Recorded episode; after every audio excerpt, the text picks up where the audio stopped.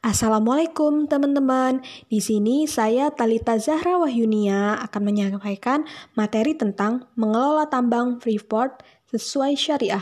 Dalam pandangan Islam, tambang di bumi Papua yang dikelola oleh PT Freeport merupakan milik umum yang wajib dikelola oleh negara sebagai wakil dari umat, haram dikuasai oleh pihak asing.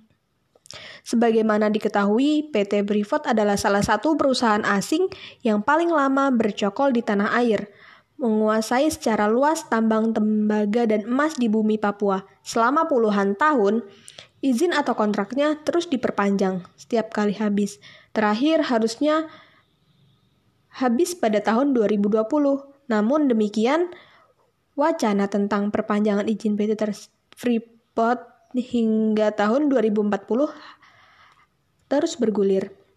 Belakangan, memang ada isu terkait pembelian 51% saham privat oleh pemerintah. Isu ini mengundang kontroversi, sebabnya cukup menunggu dua tahun lagi masa kontrak PT Privat sejatinya tambang emas dan tembaga di bumi Papua itu otomatis kembali ke pangkuan bumi pertiwi.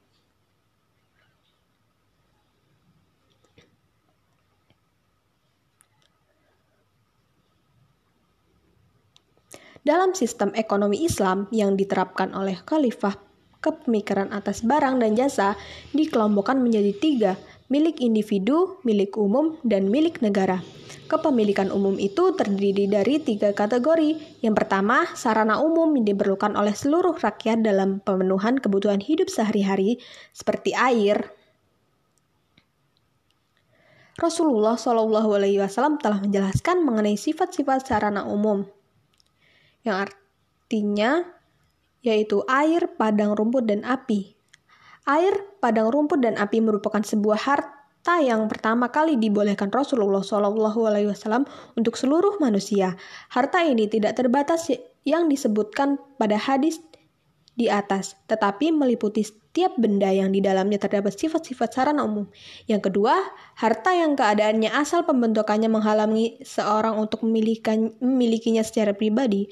Menurut Al-Maliki, hak milik umum jenis ini jika berupa sarana umum seperti halnya kepemilikan jenis pertama, maka dalilnya yang mencakup secara umum hanya saja jenis kedua ini menurut asal pembentukannya menghalangi seseorang untuk memilikinya seperti jalan umum yang dibuat untuk seluruh manusia, yang bebas mereka lewati yang tidak boleh dimiliki, dimiliki orang, oleh seorang pun.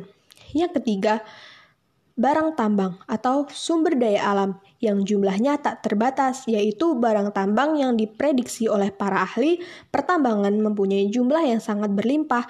Hasil dari pendapatannya merupakan hasil milik bersama dan dapat dikelola oleh negara. Bisa juga negara menggaji tim ahli dalam mengelolanya.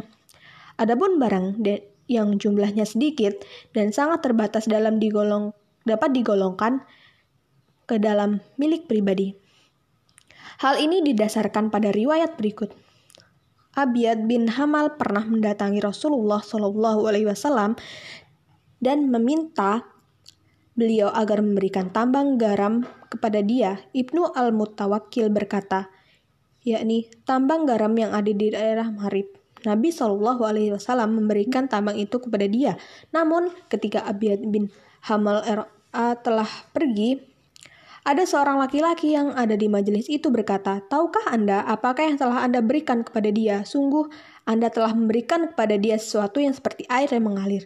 Ibnu Al-Mutawakil berkata, lalu Rasulullah Shallallahu Alaihi Wasallam mencabut kembali pemberian tambang garam itu dari Abiyad bin Hamal. Penarikan kembali memberikan pemberian Rasul kepada Abi, Abiyad adalah ilat atas larangan sesuatu milik umum, termasuk dalam hal ini barang tambang yang kandungannya terlalu banyak untuk dimiliki oleh individu. Pengelolaan kemilikan umum oleh negara dapat dilakukan dengan dua cara. Yang pertama, pemanfaatan secara umum oleh masyarakat umum air, padang rumput, api, jalanan umum, laut, samudra, sungai besar, dan lain-lain bisa dimanfaatkan secara langsung oleh setiap individu. Siapa saja yang dapat mengambil air dan dari sumur, mengalirkan air sungai untuk pengairan pertanian, juga menggembalakan hewan ternaknya di padang rumput milik umum.